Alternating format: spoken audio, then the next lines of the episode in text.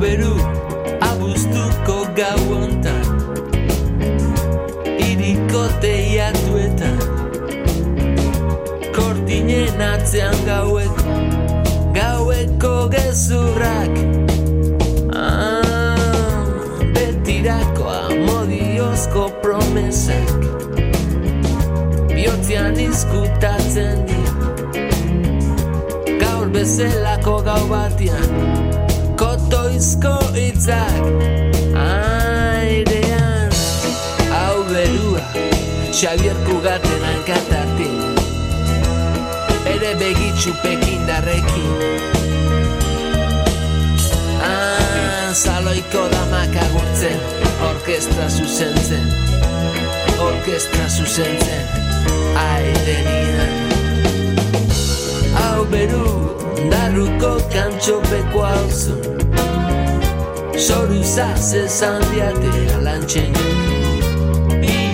¿Qué tal estáis? Bienvenidos a la Casa de la Palabra en la programación veraniega en la que emitimos de lunes a viernes de 11 a 12 de la noche. Combinamos entrevistas nuevas con otras rescatadas en el tiempo. En esta ocasión hemos querido recordar a Igor Urruticoechea.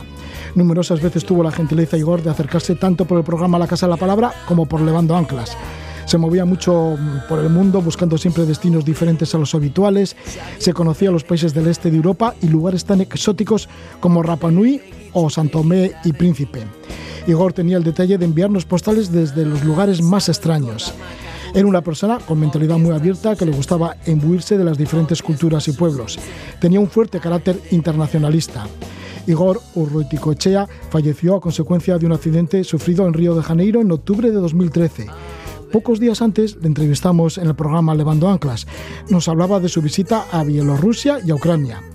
Y de esto vamos a hablar ahora. Vamos a recordar esta entrevista con Igor Urruiticoechea sobre este tema de Bielorrusia y Ucrania. Atentos porque esta entrevista fue allá por octubre de 2013, ha pasado ya bastante tiempo. Y luego en la segunda parte de la Casa de la Palabra mmm, está reservada a la recuperación de una entrevista que le emitimos en febrero de 2015. Por aquel entonces nos visitaba Ignacio Arbaiza. Nos visitaba para contarnos cómo vivió el festival de Pow Wow, un festival de bailes y vestimentas tradicionales de los pueblos nativos de Canadá. Ignacio tenía la fortuna de ser bien acogido y participaba como un danzante más en estas fiestas. También solía cocinar comidas locales. Así que escucharemos a Ignacio Arbaiza en el festival de Pow Wow, pero antes vamos a recordar a Igor Urruticochea en la última entrevista que le hicimos el 13 de octubre de 2013.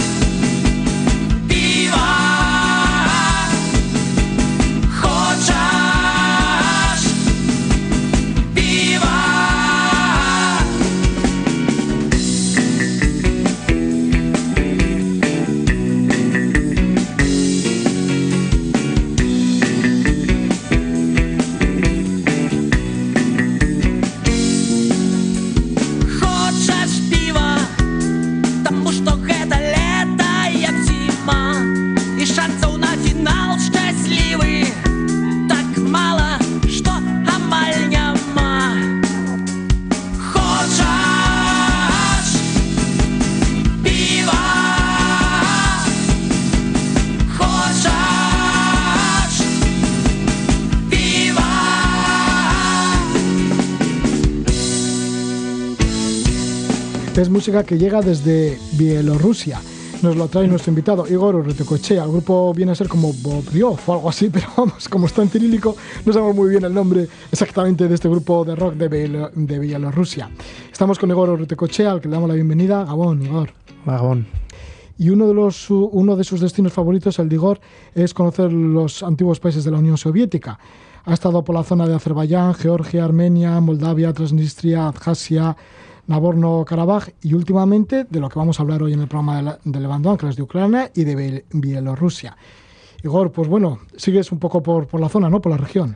Sí, así es. Bueno, son países que yo creo que son interesantes porque, por una parte, son relativamente próximos a nosotros en, cultura y, concepción del mundo, ¿no? porque están en Europa, pero eh, a su vez pues, eh, el hecho de que perteneciesen a otro sistema político, económico eh, y cultural totalmente distinto al nuestro hace que tengan diferencias importantes. ¿no? Y luego encima son países que estas últimas décadas han tenido grandes procesos de, cambio, entonces pues bueno, eso hace que, se, se, unan diferentes, yo creo, diferentes atractivos. ¿no? O sea, no es Europa occidental, tampoco es Asia, están ahí a medio camino, ¿no? Y luego están cerca de nosotros, eh, muy cerca, y, bueno, y el acceder a ellos no es tan complicado como pudiera pensarse, ¿no? Por ejemplo, Bielorrusia está frontera con Polonia, Ucrania y Lituania. Sí, así es. Es un país que no tiene acceso al mar. ¿no? Y bueno, esa es una de sus principales características, junto con que es un país muy, muy llano, tiene el punto más alto tiene 320 metros o así, y eh, a la vez es un país muy verde, eh, con, inviernos muy duros y, veranos bastante agradables. Y luego tiene el atractivo, yo creo, Bielorrusia, por ejemplo, de que eh, todavía es el país eh, para la gente que está interesada en lo que pudo ser la antigua Unión Soviética, aunque evidentemente no es, no es lo mismo, es el país que tiene un sistema económico y político más similar a lo que pudo ser la antigua Unión Soviética y eh, eso tiene a veces ¿no? como aspecto negativo el tema burocrático y demás y eso hace que bueno, pues sea eh, un poco más complicado acceder a Bielorrusia que a, otros países, necesitas un visado con una carta de invitación y, bueno, y eso hace que en Europa sea una especie de isla virgen para el turismo, porque prácticamente eh, no vimos eh, turistas de Europa Occidental durante casi dos semanas en, en, Bielorrusia, ¿no? Ahora llegaremos a Bielorrusia, pero vamos a empezar por Ucrania, que fue el primer lugar que tocasteis de estos dos países. Por cierto, ¿cómo os movisteis por ambos, por Ucrania y Bielorrusia? Pues bueno, nos movimos eh, de forma independiente, es decir, moviendo, eh, fundamentalmente en tren y autobús, eh, aprovechando a veces las noches para hacer los trayectos más largos, especialmente en, Ucrania. ¿Qué fuisteis, dos parejas? no, fuimos dos personas, ah. una amiga y, yo, y bueno, y, lo que y lo que hacíamos era pues bueno pues aprovechar la, noche y demás y luego el, el tema de, de, bueno pues para dormir también utilizamos el sistema del couchsurfing eh, en otras ciudades, pues bueno, hostales lo más, eh, hoteles lo más económicos posibles y bueno, y gente conocida también, porque pues, yo conozco a alguna persona en Bielorrusia y demás, y, bueno, y y os invitaron a sus casas. Bueno, en el caso de Ucrania, en Ucrania sí que le habéis dado un buen repaso ¿no? al, país. Así, para empezar, que fuisteis a Kiev, a la capital.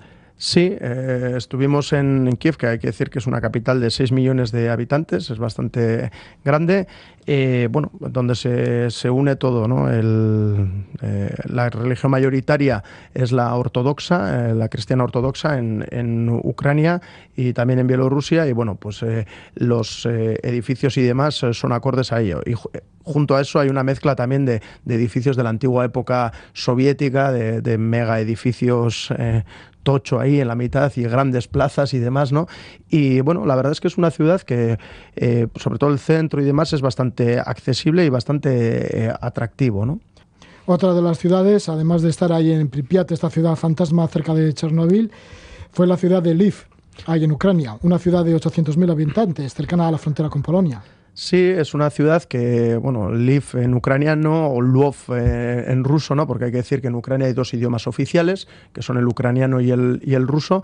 Eh, está cerca de la frontera con Polonia y la verdad es que es una ciudad que nos encantó porque eh, es una ciudad universitaria tiene 800.000 habitantes, pero bueno, el centro histórico que se conserva perfectamente, eh, pues bueno, se puede recorrer a pie y como decía, hay mucha gente de fuera porque al ser universitaria viene gente de toda Ucrania, incluso los países de al lado, eh, suele, hay mucho turismo de la zona de Polonia y demás. por ejemplo, el cementerio, aunque pueda parecer paradójico, ¿no? como, como en otras ciudades como Londres o Buenos Aires, es un cementerio digno de ver por, por las lápidas y demás que hay, ¿no? bueno, pues hay también eh, sobre todo el centro histórico con las iglesias ortodoxas y demás, de estilo gótico, estilo renacentista, etcétera. Y, bueno, y luego tiene una cosa curiosa que es que eh, tiene la mayoría de los bares y restaurantes son de temáticos, ¿no? digámoslo así.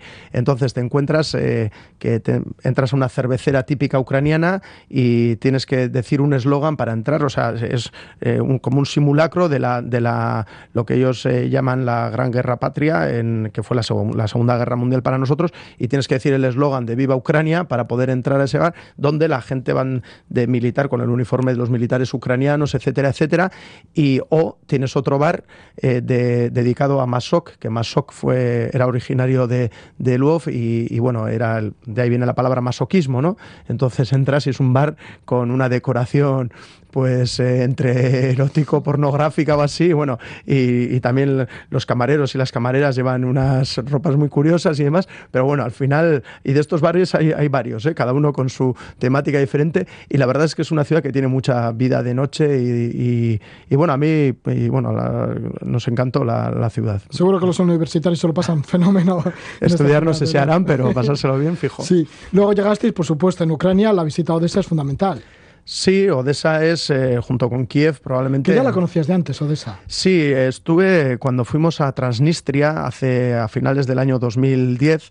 Eh, bueno, eh, cruzamos desde Transnistria a Ucrania, pero solo a la ciudad de Odessa.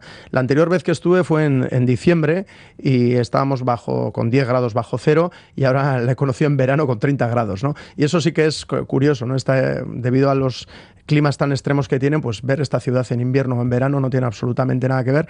La verdad es que Odessa es una ciudad también eh, muy universitaria, pero con mayor también un centro pues bueno eh, financiero y de gran influencia en, en, el conjunto de Ucrania.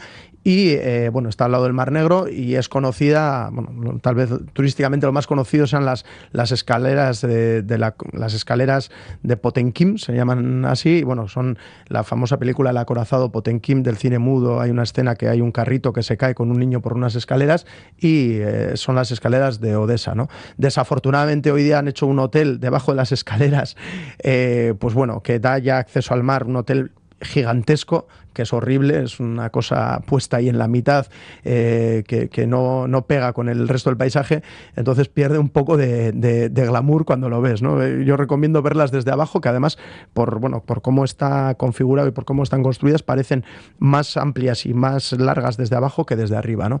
Y bueno, y la ciudad en sí, la verdad es que es una ciudad muy, muy bonita, muy bien conservada y, bueno, y con también pues bastante cosmopolita. ¿no? Otro de los lugares que visitasteis en vuestro andar por Ucrania fue la península de Crimea. Y en la península de Crimea hay ciudades como Yalta o Sebastopol. Sí, eh, fuimos desde Odessa en, tren, eh, llegamos a, Yalta, hay que decir que fuimos a Simferopol, que es la principal ciudad, la más grande de, la península de Crimea, y ahí tomamos el trolebús, como curiosidad, más largo y yo creo que más lento del mundo, ¿no? Son 82 kilómetros de trolebús, ¿no? O sea, que son con ruedas y el sistema eléctrico, que aquí ya prácticamente no se ven, y son 82 kilómetros hasta Yalta, eh, tardamos unas tres horas, o sea, va despacio, y Yalta hay que decir, bueno... La ¿Era un trolebús de dos eh, no, era, era de uno. Y, bueno, la península de Crimea es la zona turística por excelencia de los ucranianos. Había mucho bielorruso también y muchos rusos. O sea, es eh, una especie de Mediterráneo aquí, ¿no? Entonces en verano había mucha gente y suele ir a de verano, pero bueno, Yalta a nosotros nos interesaba sobre todo por el tema de la conferencia de Yalta desde un punto de vista histórico, donde se repartió después de la Segunda Guerra Mundial Europa entre Stalin, Roosevelt y, Churchill. Y, bueno, estuvimos en, en el palacio donde se fueron las negociaciones y de ahí nos movimos también a Sebastopol, que también desde el punto de vista eh, histórico, aunque no son ciudades tan bonitas, en la península de Crimea sí que tiene un paisaje con las playas y todo esto muy bonito, pero las ciudades en sí yo creo que no tienen tanto encanto pero desde un punto de vista histórico sí, porque Sebastopol, por una parte, fue la protagonista de la guerra de Crimea en el siglo XIX, ¿no? Eh, donde bueno, pues lucharon los, eh, ucranianos contra los turcos y los, eh, bueno, y los británicos y demás, y junto con eso, pues durante la, toda la época de la Guerra Fría era una ciudad cerrada a los extranjeros y al, turismo, y de hecho, hasta tal punto que cerca de Sebastopol hay una pequeña ciudad que se llama Balaclava, donde se hacían bueno, submarinos nucleares de forma, era un, centro secreto de, submarinos nucleares del ejército soviético, ¿no? Y también lo estuvimos visitando y bueno, desde el punto de vista histórico son ciudades muy interesantes. ¿Es seguro viajar por Ucrania? Por otro lado, también te preguntaré ya de seguido si es caro viajar por Ucrania.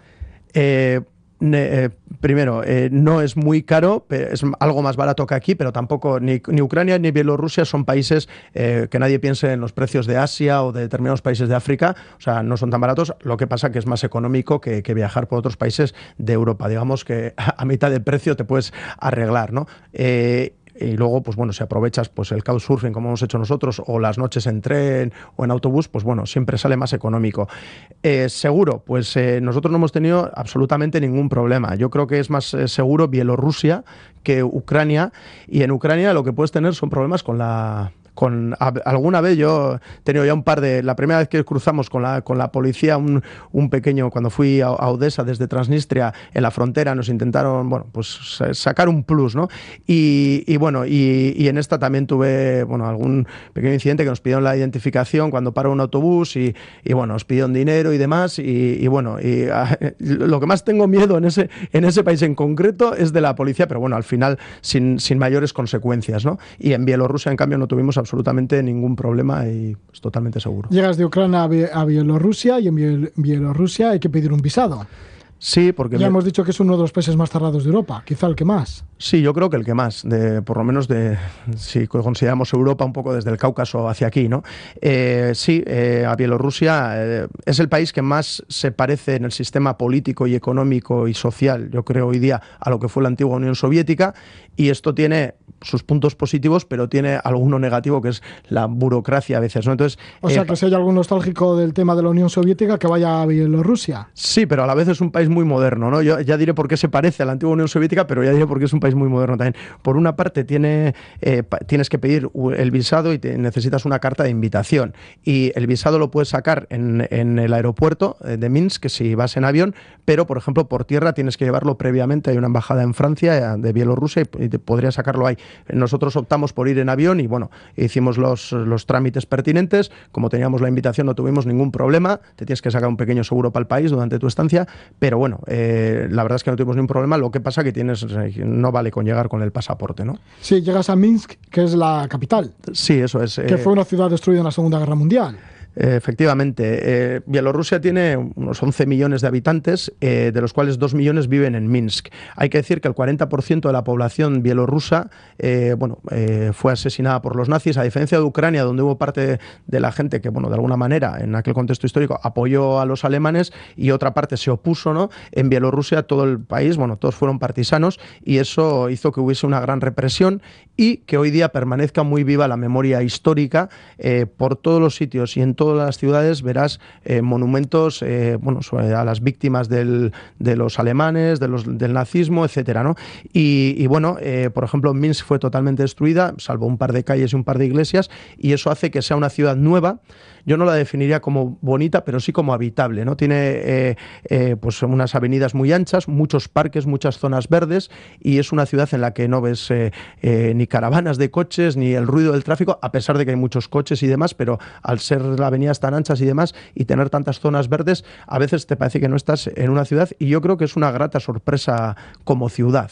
¿Cuáles son las características de Bielorrusia que le asemejan a la antigua Unión Soviética? Pues bueno, por una parte, eh, la educación y la enseñanza siguen siendo en su prácticamente casi en la totalidad eh, públicas y de acceso universal. Junto con eso, pues bueno, pues eh, el, acceso a la vivienda también no es tan dificultoso como en otros países. Y yo destacaría también que no existe la propiedad privada de la tierra. Yo creo que sea el único país de Europa. la gente tiene casas en propiedad privada y el terreno adyacente, pero las grandes extensiones de tierra son del Estado. Y sigue en el sistema las cooperativas agrícolas y cooperativas de, producción como los coljos. Y la industria también, en su mayor parte, es, es, de, sí, es de carácter público.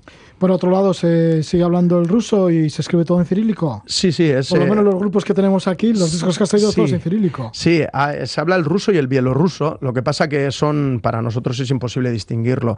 Y, y bueno, si está todo en cirílico, eso sí que es una cosa que, bueno, para guiarte y demás, pues tiene su complicación.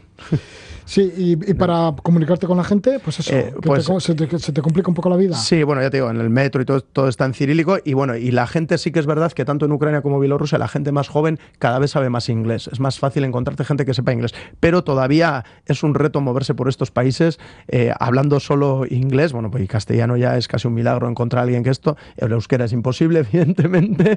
Entonces, eh, pues sí, es también un poco complicado, ¿no? A veces. Estuvisteis también en ciudades como Brest, Grodno y una ciudad también medieval que es patrimonio de la humanidad.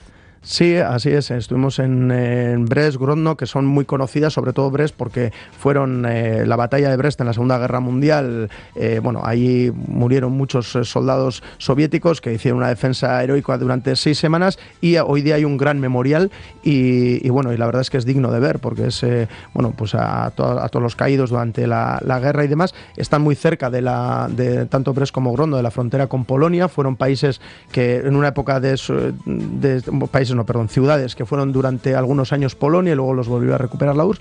Y, bueno, y estuvimos en, en que es eh, una ciudad patrimonio de la humanidad, eh, según la UNESCO, y bueno, que es una ciudad medieval y un casco histórico, la verdad es que muy bien conservado. Lo habéis gozado mucho también en cuanto a paisaje, contacto con la gente.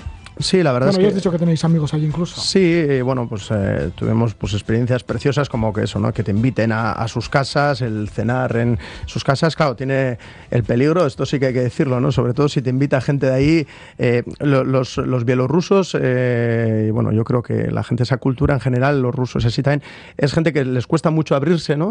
Eso igual tienen un toque vasco también, les cuesta mucho abrirse y coger confianza con, con el, bueno, con el extranjero en este caso, pero una vez que, que- que te haces un amigo de allí, eh, la verdad es que se, bueno, pues eh, eh, su hospitalidad es muy grande, ¿no? Y así nos invitaron a, un par de cenas y demás, gente diferente que, conocíamos previamente, y, y la verdad es que, claro, en las cenas hay que decir que, bueno, aparte de que se come muchísimo, y sobre todo cuando viene alguien de fuera, pero luego tienen, bueno, te pueden sacar vino, cerveza y tal para beber, y un pequeño vasito de vodka, un chupito diríamos aquí, pero el problema que hay es que igual si hay cinco o ocho personas en la mesa, cada cinco minutos ese vasito de vodka se llena y se brinda. Se brinda, bueno, por todo. Se brinda por la amistad, por, bueno, por todo, ¿no? Y claro, y beben el trago, se, se levanta todo el mundo, se, uno, eh, y se va rotando, ¿no? En el brindis, entonces te lo tienes que beber de golpe, ¿no? Entonces esto hace que para los que no estamos acostumbrados al vodka, no, no así para ellos, pero sean las cenas un poco peligrosas y, y haya que controlarse un poco, pero, pero la verdad es que, bueno, pues eh, es, es una experiencia digna, digna de ser bebida. Igor, antes de terminar esta conversación, ¿por qué Bielorrusia es la Rusia blanca? Pues eh, la verdad es que. Porque ahí viene el nombre, ¿no? eh, sí, eso, eso significa. Y bueno, eh, eh, una de las teorías que dice que es que, que nieva más que en el centro de Rusia, no lo sé, porque lo dudo, porque Siberia también, ¿no? Y está ahí, ¿no? Y, y la verdad no te sabría decir el, el origen, pero sí, lo que significa Bielorrusia es la, la Rusia blanca. Y, y bueno, la verdad es que en verano por lo menos es muy verde. Me imagino que en invierno, yo no he estado en el duro invierno, con temperaturas de menos 20, menos 30 grados bajo cero, será muy blanca, ¿no? Pero bueno merece la pena de, de, ser conocida porque yo creo que en Europa, por lo menos en Europa, probablemente sea de los países más diferentes que te puedes encontrar, pero a la vez, eh, antes no lo he comentado, es un país muy moderno, porque que nadie piense, he dicho que el sistema es el más parecido al de la antigua Unión Soviética, pero te vas a encontrar igual que te vas a encontrar las estatuas de Lenin eh, en todos los lados y que reivindican mucho su historia soviética, o sea, yo, a, diferencia de Ucrania, otros países, el tema con orgullo, ¿no? El de haber pertenecido a la Unión Soviética, eh, eso como pueblo y demás, igual que su lucha contra el nazismo,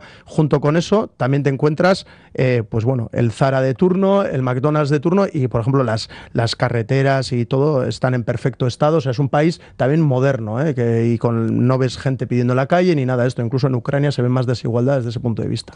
Pues nos hemos acercado a este país un tanto cerrado como es Bielorrusia a través de Igor Urruticochea, que ha visitado este país y Ucrania. Pues gracias por tu nueva visita, Igor. Pues bueno, es que recasco subí. Gabón.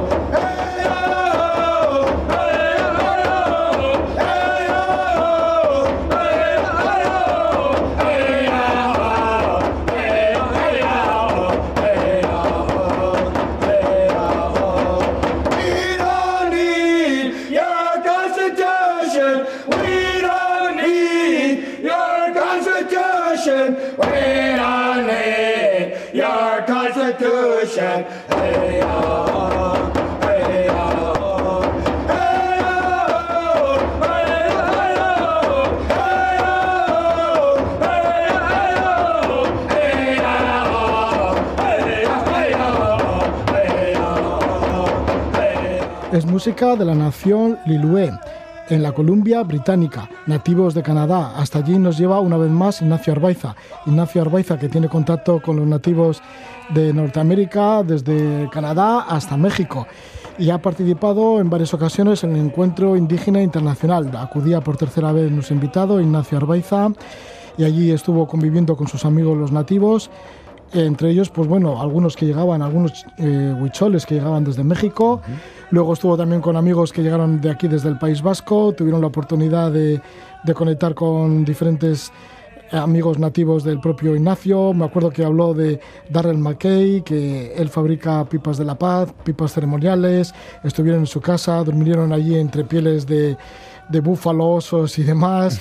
y, y nos habíamos quedado justamente cuando Ignacio iba a participar en el Pou Pou, que es una competición de baile y vestidos y grupos de tambor de los nativos de allí, de- del Canadá, de la Columbia Británica. Vamos a seguir con esta segunda parte hablando del Pou Pou y además de otras aventuras vividas por Ignacio Arbaiza en Canadá. Bienvenido una vez más, Gabón. Gabón, Roge, gracias por tenerme una vez más, un placer. Sí, estamos recordando todas las vivencias que tuviste entre mayo y septiembre de 2015. Y vamos a continuar con ellas, porque claro, últimamente ya es como habitual para ti acercarte en primavera por, por la Columbia Británica para estar con tus amigos nativos. Sí, ya es parte, parte importante de mi vida, algo que me llena mogollón y me hace muy feliz. Y pues como mi año nuevo casi, ¿no? Sí, y además ya participas en sus ceremonias. O sea que ya te eres como uno más, o por lo menos eres un invitado especial. Tengo la suerte de que sí, me, se me trata muy bien y soy muy bien acogido por ahí y muy agradecido por ello. La música que estábamos escuchando, pues, es la has traído de allí. Y, y parece que la sientes también, ¿no? Sí, me, me gusta, ¿no? Pues claro, como todo, como pues al final es, eh, estoy tan acostumbrado a tenerlo de fondo que me trae muy buenas memorias, de, muy buenos recuerdos de cuando estoy ahí. Sí, mira, y hablábamos, por ejemplo, del Encuentro Indígena Internacional, que como también eres cocinero entre ellos, pues despreciaste un par de ciervos y un alce en esa ocasión. y, y bueno, y en el Pow Wow, esto ya era solo bailar, no tenías que estar de cocinero. Bueno, en el Powwow también me tocó estar de cocinero, pero de manera diferente, ¿no? En, el, en la ciudad donde se organiza el Powwow, en eh, Kamloops, allí también tengo unos amigos, ¿no? Y nativos, y ellos todos los años en el Powwow eh, ponen un puestito de, de comida, ¿no? Hay siempre varios puestos.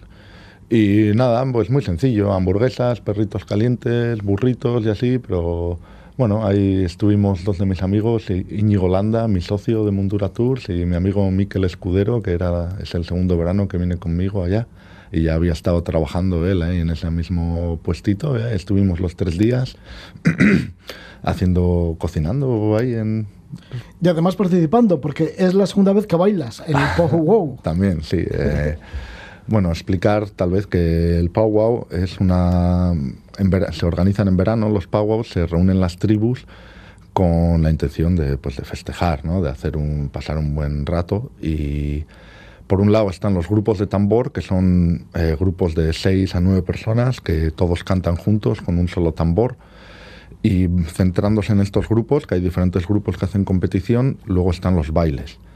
Y hay diferentes categorías de hombre o de mujer. Y también es muy importante la tercera competición, que es el la vestimenta, ¿no? que es gente, se pasa mucho esfuerzo, tiempo en hacer vestimentas bien impresionantes. Es un poco estilo car- carnaval de Brasil, muchas plumas, muchos flecos, ves abanicos hechos de alas de águila, gente que tiene collares con 20 garras de oso, de cosas muy impresionantes, pinturas de guerra, tomahawks, de todo. Es muy, muy impresionante. ¿Cómo son estos bailes, estos tipos de bailes? Porque hay para los hombres tres tipos de bailes y luego también para las mujeres otros tipos de bailes. Eso es, eh, pues las mujeres eh, tienen tres tipos de baile, el tradicional, eh, otro que se baila con un manto, haciendo eh, movimientos como si el manto fuera una capa, y otro que le llaman de cascabeles, que cada mujer se prepara su vestido con cascabeles, cosas brillantes y que suenen para bailar Ahí hace bien bonito. ¿Los hombres? Los hombres tienen el tradicional, que en el tradicional se incluye que el la vestimenta que vas a llevar va a ser tradicional, en este caso eh, de piel de ciervo. Es lo típico, eso es lo que se usa. Y luego tienen el chicken dance, la danza del pollo, que ahí ya empiezan a llevar plumas ahí por todos lados, y está el, el moderno, como quien dice, que en ese, en el moderno ya se desfasa la cosa. Ahí los materiales son materiales modernos, pues eh, entran los colores fosforitos, los rosas, los amarillos chillones, es una explosión de color, pues imagínate llevan, llevan eh, trajes que pueden pesar 20 o 30 kilos, con pintura, con tocados, flecos por todos lados, cosas colgando, y esto, el movimiento, el baile, el baile no es baile de caderas o de pies, como puede ser el nuestro. Sí es de pies en el sentido que lo más importante es llevar el ritmo del tambor con los pies, pero luego es mucho de hombros y de agitar todo el cuerpo, agitar ahí todos los flecos, muy, muy impresionante. Ya, y tú participaste en la categoría de intertribal. Y Yo participé en la categoría intertribal, es el segundo año que me presento. O sea, como categoría de extranjeros o forasteros o así. Es un poco abierta a todo el mundo, ¿no? Para porque una vez estás ahí, Roge, lo ves y oyes el tambor y a todo el mundo le dan ganas. Porque no es un baile que necesitas saber pasos de baile espectaculares o nada. Es un baile bien básico de, del ritmo del tambor, de moverte tú ahí. Y organizan esta categoría que Ya, es- pero tú no eres nativo de Norteamérica. no, yo soy nativo de aquí. Y eres nativo de aquí, pero ya sabes que los nativos de aquí no bailamos mucho o muy bien. Sí, a mí me dicen, ay, jo, ¿qué? Tú, por allí, por donde sois vosotros, ¿no? Pues que sois medio latinos, seréis muy apasionados, no sé qué. Y digo, sí, mira, aquí los bailes tradicionales nuestros son a metro y medio de la pareja, con los brazos levantados y si no, sujetando algo. Y la cadera bien soldada a la columna vertebral, que aquí no. Y ojito, no te acerques que vamos dando patadas al aire, además. ¿Y qué te dicen? Nada, se ríen, ¿no? Porque, claro, no, no es... Porque, bueno, aunque hay muchísima gente que conoce el País Vasco por ahí fuera por muchas razones bien diferentes, ¿no? El surf, por ejemplo, Mundaka es una cosa que es famosísima, ¿no? El Guggenheim, el, el los Sanfermines, ¿no? Pero bueno, no, no, no, el concepto de que somos una cultura un poco diferente. Hay gente que te sorprende mucho y sabe mogollón del País Vasco, pero tampoco es un, un conocimiento muy común, ¿no? Sí. Bueno, total, que tú te lanzas y te pones a bailar. Sí, el año pasado literalmente me empujaron literalmente al- a la hierba a bailar. Pero Y- tus amigos nativos de allí o tus sí, amigos sí, que fuiste de aquí. Mis amigos nativos de allí. Ah, sí. Y, y este año, este año ya fui preparado. Ahí mi tía me animó y me dijo, "Bah, pues ya ¿Pero vamos. qué tía? ¿Tu Eh, tía? Colin Seymour. Ah, tu tía de allí. Sí, mi tía de allí. O sea, que estás adoptado por alguna Estoy familia. adoptado. es que yo, pues, pues mi tía, muy maja ella. Sí. Y pues me, me animó, porque es un, es un baile, una categoría que es un poco pues para, para la risa, ¿no? Para la- el disfrute de todo el mundo, ¿no? Pues de nosotros hacer el indio y de ellos reírse los blanquitos haciendo el indio también, ¿no? Pero es de un modo muy... ah, si no, no volvería. Así que vamos. Sí, todo en plan de broma, pero así como muy hermanado. Sí, sí. Y pues mi tía me dijo que ya que andaba de cocinero aquí en el Pagua, o ya que andaba de cocinero en el encuentro de Lilwet, que saliera vestido de cocinero, que hiciera mi traje de baile, pues de cocinero, ¿no? ¿Cómo es el traje de cocinero con el que te Pues presentaste? el traje de cocinero con el que me presenté, pues llevaba un, eh, un eh, delantal que me habían dejado con unas garras de oso ahí dibujadas. Eh, llevaba un guerrico verde.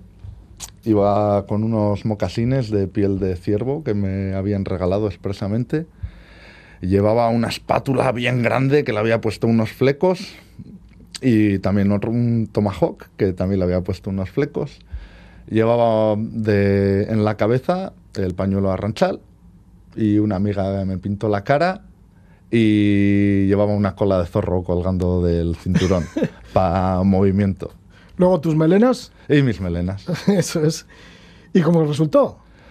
Pues muy bien, pues empezamos bailando 30 y había cinco jueces. Entonces, pues bailamos dos canciones y cada juez eligió a un, a un bailarín. Entonces pasamos a ser cinco y ahí fue muy curioso porque de los cinco, cuatro éramos europeos. Había un checo, un austriaco, una niña escocesa y yo. Y bueno, y una chica que era canadiense. Y ya pues bailamos los cinco y eh, la siguiente ronda fue por aplauso popular, ¿no? Pues bailamos los cinco dos canciones, nos, nos fueron nominando de uno a uno y el público aplaudía, aclamaba, ¿no? Y ahí pasé a la final y quedamos dos, el austriaco y yo, que el austriaco era muy gracioso porque era un austriaco. ¿Te imaginas un turista austriaco? Y era este hombre. Zapatos negros, calcetines blancos subidos hasta arriba, pantalón vaquero corto, también como Steve Urkel, con la cintura subida hasta los sobacos. Un polo bien metidito por los pantalones. Le faltaba la cámara, pero eso se la debió dejar fuera. Y nada, la verdad es que era muy gracioso y bueno, pues sí, ganó él. Ya, pero tú quedaste el segundo. Yo quedé el segundo, la verdad, es que y tuve mucho mucho apoyo, estoy muy muy contento porque una manera que tienen allá de mostrar apoyo a los bailarines, pues si te gusta mucho alguien que está bailando, bajas al, al ruedo, como quien dice, y echas dinero al suelo para que el bailarín baile sobre ese dinero. Esa es tu manera de demostrar tu apoyo. Y eso pasó varias veces, muchas señoras, mucha gente, unos cuantos niños vinieron a echar dinero y es curioso porque luego el dinero no se lo queda al bailarín, sino que lo recogen los jueces y lo donan pues a, normalmente a algún anciano que esté por el powwow que pues esté un poco necesitado, se le dona el dinero. Pero lo más, lo más bonito fue un niño que había bailado en la categoría de niños, que también hay, y vino él todo vestido con todos lo- los utensilios, la lanza, no sé qué, y me dijo, toma, toma, y me dio su tambor de cuero, pa, eh, su tambor, perdón, su escudo, para que lo llevara yo ahí. Me dijo, "Ah, porque te traiga suerte. Ya, y además de todo esto, estuvisteis con el representante mayor, ¿no? De los nativos de la Columbia Británica. sí. Eh, O sea, el jefe de jefes. El jefe de jefes, sí, pues gracias a Darrell Bob, que es el jefe del- de la nación Lilwet, eh, los que organizan el, eh, el encuentro internacional, pues bueno, él estuvo comentando a toda la gente, "Eh, esto es mi cocinero ahí del encuentro, ya podéis ahí animarle, aplaudir bien cuando esté él, no sé qué. Y pues entre una de, en un descanso entre canción y canción, de repente apareció este hombre a darme una botella de agua para beber, le agradecí, bebí, se la quise dar a otro de, de los bailarines y me dijo, no, no, esta es para ti, no sé qué, solo para ti, no sé. Y luego se fue y volvió al de un rato y al de un rato vino también a sacarse un selfie conmigo. Esto es en mitad del ruedo, rodeado de 3.000 personas, es como un, un anfiteatro, como un circo romano, ¿no? Con gradas y tal, lleno de gente. Y ahí estábamos cinco y vino este hombre a sacarse un selfie conmigo. Y este hombre es el, el jefe de, de la Columbia Británica. El, el representante de todos los nativos de la Columbia Británica se vino a sacar un selfie conmigo en vez de al revés. Ya, ya, vaya categoría, vaya categoría. El caso es bueno que os lo pasasteis muy bien en el Powwow, Sí. Que ya triunfaste además, ya en el segundo puesto en la categoría intertribal. Y luego, bueno, pues participaste en una ceremonia del peyote con tus amigos los huicholes Sí, porque mientras, de México. mientras estaba yo con mis dos amigos cocinando ahí en el Powwow, en el Powwow también pone muchos eh, puestos de artesanía y ahí estaban nuestros amigos huicholes, pero ellos como no hablan muy bien inglés, contaron con la asistencia de dos amigos míos, eh, Javier y Gus, que estuvieron allá eh, traduciendo para ellos al inglés. Fue un gracioso porque a alguno de ellos el inglés se le daba aquí para allá, ¿no? Pero bueno, ahí pasaron muy buen rato, disfrutaron de la compañía de estos hombres mexicanos que son bien peculiares también. Y después del Pagua, efectivamente, pues eh, don Chabelo, este, el Maracame Huirrárica, pues él organizó una ceremonia de peyote y allá atendimos mis amigos y yo.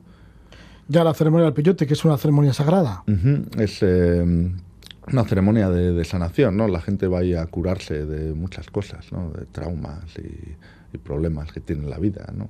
Sí, ¿a ti te ha servido? A mí me ha servido. Yo me dice, ¿qué, qué hace el peyote ahí? ¿Ves cosas? No sé qué. No, no. Lo que hace es te, te ayuda a pensar de una manera diferente. Durante. Yo digo que son eh, líneas de pensamiento muy interesantes lo que se te ocurre. No es de ver dragones, ni, ni destellos, ni oír voces, ni. No, es. ¿Te cambia igual un poco la, mental- la mentalidad? Sí, el y tipo un- de reflexiones. Te ayuda a ver los problemas desde otro ángulo, ¿sabes? En vez de pues un problema que le has dado muchas vueltas, que lo ves todo el rato desde la misma tal, pues de repente lo miras al problema desde otro ángulo y, y dices, ah, mira, pues así, ¿y cómo no me he dado cuenta antes? Pues eh, eso es lo que sacas ahí. Sí, tienes mucha unión con los huicholes. Sí, pues hace unos años me pasé unas navidades ahí viviendo en su pueblo, allá en México. Me impresionaron mucho, son muy, muy buena gente. El caso es que después de participar en esta ceremonia del peyote, después de bailar en el powwow, os decidisteis ir los amigos a una de las islas que están cerca de Vancouver. Sí. Bueno, hay un montón de islitas, ¿no? Y, es que se me llena la boca. Qué bonitas son las islas de la Columbia Británica. Es como, imagínate los Pirineos que se ha subido el agua unos cientos de metros y ahora solo quedan las cumbres de las montañas asomando entre el mar. Porque son todos cientos de islitas, que cada islita es una montaña bien empinada además. Y todo eso está rebosante de vida, de ballenas, de águilas, unos bosques de cientos y cientos de años, salmón, focas, osos, lobos, pumas. Me encanta, Roger. Hasta, ya, ya veo ya, hasta estas islas de la Columbia Británica, cercanas a Vancouver, pues has estado en dos ocasiones. La primera os lo pasasteis un poco mal. bueno, la primera fue interesante. El, eh, el año pasado eh, fui con, otra vez fui con mi amigo Miquel Escudero y fui con mi hermano Borja Arbaiza. Fuimos los tres a pasar el verano allá a Canadá. Y como yo ya había estado, eh, hacía años también, he estado tres veces en esa zona, eh, le recomendé a mi hermano y a mi amigo de ir a subir eh, este monte en una isla, ¿no? Pues, y alquilamos los servicios de un bote taxi, ¿no? Un taxi, pero que es un bote. Y nos llevó ahí a la isla y nos dijo, venga, en ocho horas lo recogemos. Y te diré, Roger, yo me he subido a muchos montes, este monte es el más duro, duro que he subido nunca, porque los primeros 40 minutos son en planos y las dos últimas horas es todo cuesta arriba, sin camino, de encima que parece que estás subiendo escalones, ¿no? De no hay camino plano, es roca, raíz, roca, muy matador, pero las vistas que, que hay desde ahí arriba también son las mejores. ¿Tiene mucha altura? Pues tendrá, yo qué sé, 800 metros, pero desde el nivel del mar y siendo una isla, lo que tienes es un dominio de toda esa parte, ese archipiélago. En, entre todas estas islas, los canales son tan enormes que pasan las ballenas, ¿no? Hay una vida animal ahí, ah, O preciosa. sea que desde la cumbre igual puedes ver una ballena. Bueno, me imagino que con Mm, prismáticos. Yo lo he intentado, pero no, no, no he visto. Y- Mucha casualidad también. ¿no? Mira, hay una foto bien curiosa porque estamos los tres ahí en la cima, un día soleado, todos sin camiseta después de subir, ¿no? Y las fotos, que está, estamos nosotros en primer plano y este paisaje al fondo, al fondo ya, si te fijas, ahora sabiéndolo, te fijas y ves que estaba entrando la bruma, una bruma bien gorda del mar, ¿no? Y dijimos, ah, no sé qué tal, no hay problema. Nosotros bajamos a la hora que teníamos que bajar, estábamos en el puerto a la hora que tenía que venir el, barco. No hay nada más en esta isla, ¿eh? No vive gente en esta isla ni nada. Está, le llamo puerto, pero era un muelle, ¿no? Y no llega, y no llega, y no llega, y cae la bruma, y se hace de noche, y no llega, y empieza a hacer frío, y ahí estamos los tres, que nos habíamos comido la, la comida que habíamos llevado, estamos en pantalón corto y camiseta, y empezaba a hacer un frío ahí bueno, y yo ya estaba pensando qué quemar para hacer una hoguera, dónde refugiarnos, qué hacer, porque estábamos tirados en una isla... pa. Además no tendréis alimentos ni agua. ni No, nada. no, no, porque claro, habíamos llevado, pero habíamos llevado por una excursión de día. Ya hacía horas que tenía que haber llegado al barco y de repente vemos que allí por fin que llega el barco. Y yo, jo, qué bueno, por fin nos vamos a meter en la cabina, ahí calentitos ya y volvemos para casa. Y llega el barco y era un barco de los de observación turística que no tiene ni techo, ni paredes, ni nada. Un barco completamente abierto y encima no tenía luces. No tenía luces y la chica tenía el GPS roto. Ole sus narices que vino a buscarnos. Pero es que la compañía de taxis se había olvidado de nosotros, el marido se había llevado el barco a no sé dónde y esta cuando se acordó de que estábamos ahí tirados en la isla, solo le quedaba este barco y se vino de noche con una niebla del copón, sin luces y con un GPS roto, que a veces que mirabas el GPS y de repente cambiaba el mapa 45 grados y en vez de ir al norte de repente estabas yendo al este y esto es un archipiélago que teníamos el problema de que si nos íbamos mucho para un lado, nos íbamos a mar abierto y ahí sí que la habíamos liado. Y de noche, y una niebla roja que no se veía a dos metros del barco, que era, era como estar rodeado de, un mundo blanco, ahí en mitad de, vamos. Yo estaba preocupado. Pues digo, ¿y si no, ¿qué, hacemos? Nos, nos- nos chocamos con una roca aquí en mitad de la noche y no nos encuentra ni Cristo. Teníamos un montón de chalecos salvavidas, digo, pues yo qué sé, los atamos juntos, hacemos un algo. Y nos encallamos, pero nos encallamos en un Ah, ban- os encallasteis Nos encima. encallamos encima, pero en un banco de arena, menos mal. Y nada, pues hubo que bajarse al agua fresquita del Océano Pacífico del Canadá, a empujar a empujar, a- porque claro, te bajas del bote y el bote sube un poco al liberarse peso. Y le ¿Pero estabais cerca de la costa? Estábamos, es un archipiélago que va paralelo a la costa, entonces íbamos entre las islas. De, íbamos como de norte a sur entre todas las islas, ¿no? Sin querer irnos demasiado al oeste porque nos salíamos al mar, pero sin saber dónde estaban las islas. Ahí.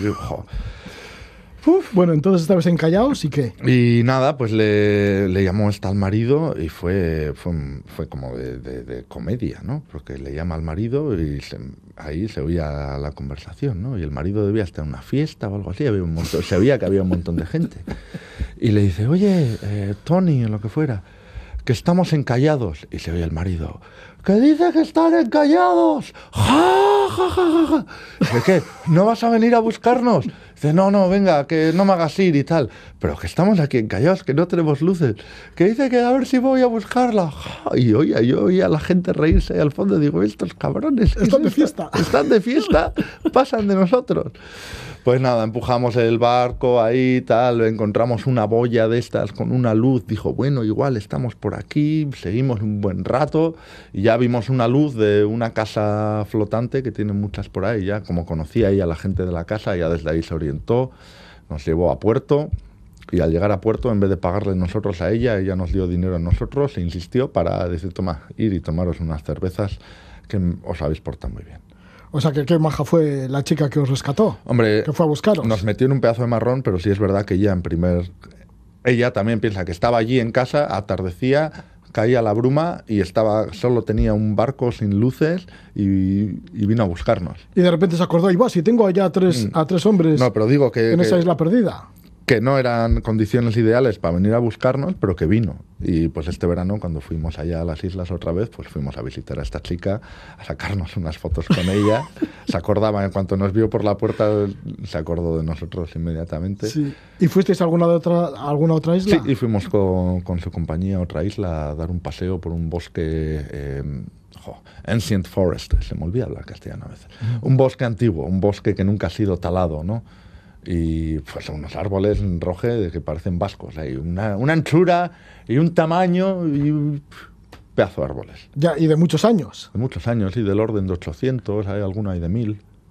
Además, habrá animales por allá. Todos. Todos. es que sí, a veces da un poco O, o sea, osos, lobos, Osos, lobos, pumas. ah, pumas. Y no habita nadie, ningún ser humano se queda allá las noches. Eh, Eh, bueno, por ejemplo, en esta isla que fuiste no, en esta isla no, en estas islas no. Por ahí las, la gente, sobre todo, como es eso, muchas islitas, tal, aunque es agua de mar, la, lo que es el oleaje no llega, porque hay muchísima, entre lo- hay muchos canales entre las islas y por ahí la gente vive mucho en casas flotantes. Entonces no viven en, en la islita, ¿no? Y no les preocupa tanto los lobos. Bueno, pues naturaleza tremendamente salvaje y bueno, y esta vez sí que saliste, no llegó la bruma. No, la- esta vez, esta vez fue todo bien, nos dimos un bañito espectacular y fue un día muy bonito. Nuevamente volviste a ceremonias nativas de los, in- de los, de los indígenas de allí, de, de Columbia Británica, porque estuviste en el festival Bless Coast. Sí, esta fue bueno, también... la costa bendecida, más o menos. Sí, esto fue algo muy interesante. que ahí también fuiste inesperado. cocinero. Ahí también fui cocinero, sí. Pues porque una amiga mía que eh, nos conocemos del encuentro del Iluet me llamó y me dijo, mira, yo voy a ir de voluntaria a esta cosa, a este festival, le llamó Festival Ceremonial. Digo, ¿qué es esto? No sé, no tenía ni idea. Me dice, porque es el primero que hacen unos amigos, si te vienes de voluntario a la cocina, no pagas entrada y tal, y tenía un par de días libres y dije, bueno, pues vamos a ver. Y resultó que llegué ahí y la gente que lo organizaba les, conozco, les conozco a todos porque todos han sido voluntarios míos en la cocina de Liluet. Entonces, según llegué, ya conocía a la mitad de la gente, fue muy agradable, buena bienvenida. Y pues era muy curioso porque era como un, lo que nosotros entendemos como un festival de música, pero con el- la diferencia muy importante que no se permitía el alcohol. ¿no? Pues eh, cambiaba mucho el ambiente. ¿No? Eh, porque era todo gente joven, gente hippies, tal, pero había también familias con niños, bebés, ¿no? Y un ambiente muy, eso, familiar, agradable, sin que nadie se, se hubiera pasado bebiendo y molestar a nadie, ¿no? Y había muchos talleres también, eso, ah, vinieron eh, varios eh, líderes indígenas de las tribus por ahí a dar charlas, a hacer pequeños talleres. Hubo talleres de acroyoga, de re- meditación con la respiración, talleres de cuentacuentos. Muy, muy interesante, muy, muy bonito. El tema además. también de los derechos de los indígenas. Es ¿no? verdad, también hubo talleres de derechos indígenas, de... ¿Y qué cocinaste en esta ocasión? claro, porque estos festivales son multitudinarios. Pues ahí el, fue de viernes a domingo, pues el jueves en el río que era ahí donde esto fue el festival este, se pescaron 98 salmones y yo me los cociné sobre ese fin de semana. 98 salmones. 98 salmonacos de los grandes, buenos, del orden de 3 kilos el pez. Y además fresquitos. Pues pescados el jueves, cocinados el fin de semana. Qué bueno, ¿no? Unas barbacoas rojas, joder, pero que hubo una noche que nos pusimos a hacer barbacoa y igual estuvimos constantemente haciendo barbacoa de salmón cinco horas. Y un jiji, jaja, y un prueba un poquito no sé qué, mira, a este le vamos a poner un no sé cuál, a este le vamos a marinar, no, este dale así para que la piel quede churruscada. Jo, qué bueno está el salmón, Roge. Ya, y tanto el salmón de Canadá, recién pescado. Joder. 98 salmones, pues fíjate, más los, los ciervos y los alces que, estás, que te has comido también el pasado verano. Oh, sí, sí. Se me llena la boca de saliva de pensarlo. Sí, sí. Pues muchísimas gracias por estar con nosotros, Ignacio Arbaiza. Muchas Vale, gracias. Gracias, hasta A pronto. ti, Roge.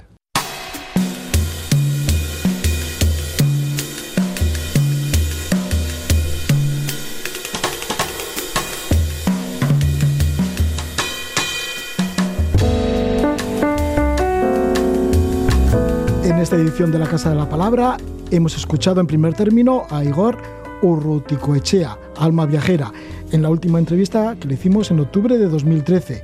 Y en esta segunda parte del programa pues hemos recordado a Ignacio Arbaiza, un vasco que como habéis podido comprobar muy ligado a los nativos de Canadá. Desde entonces, desde que tuvimos esta conversación en febrero de 2015, le hemos perdido la pista a Ignacio. Quizás se haya ido a vivir a una cabaña en el bosque canadiense, o haya recorrido una vez más México, o pueda estar en Escocia o en India, vete tú a saber. Bueno, el caso es que mañana volvemos de nuevo aquí en la Casa de la Palabra.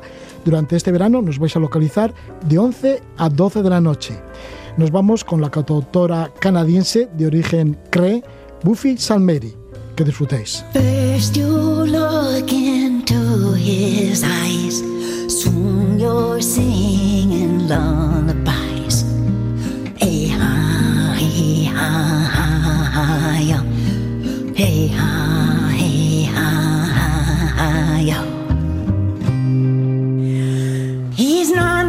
stranger, he's more like a vision you'd seen.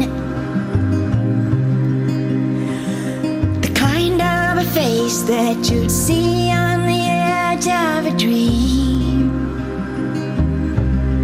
He was beaded and feathered from his head to his moccasin feet.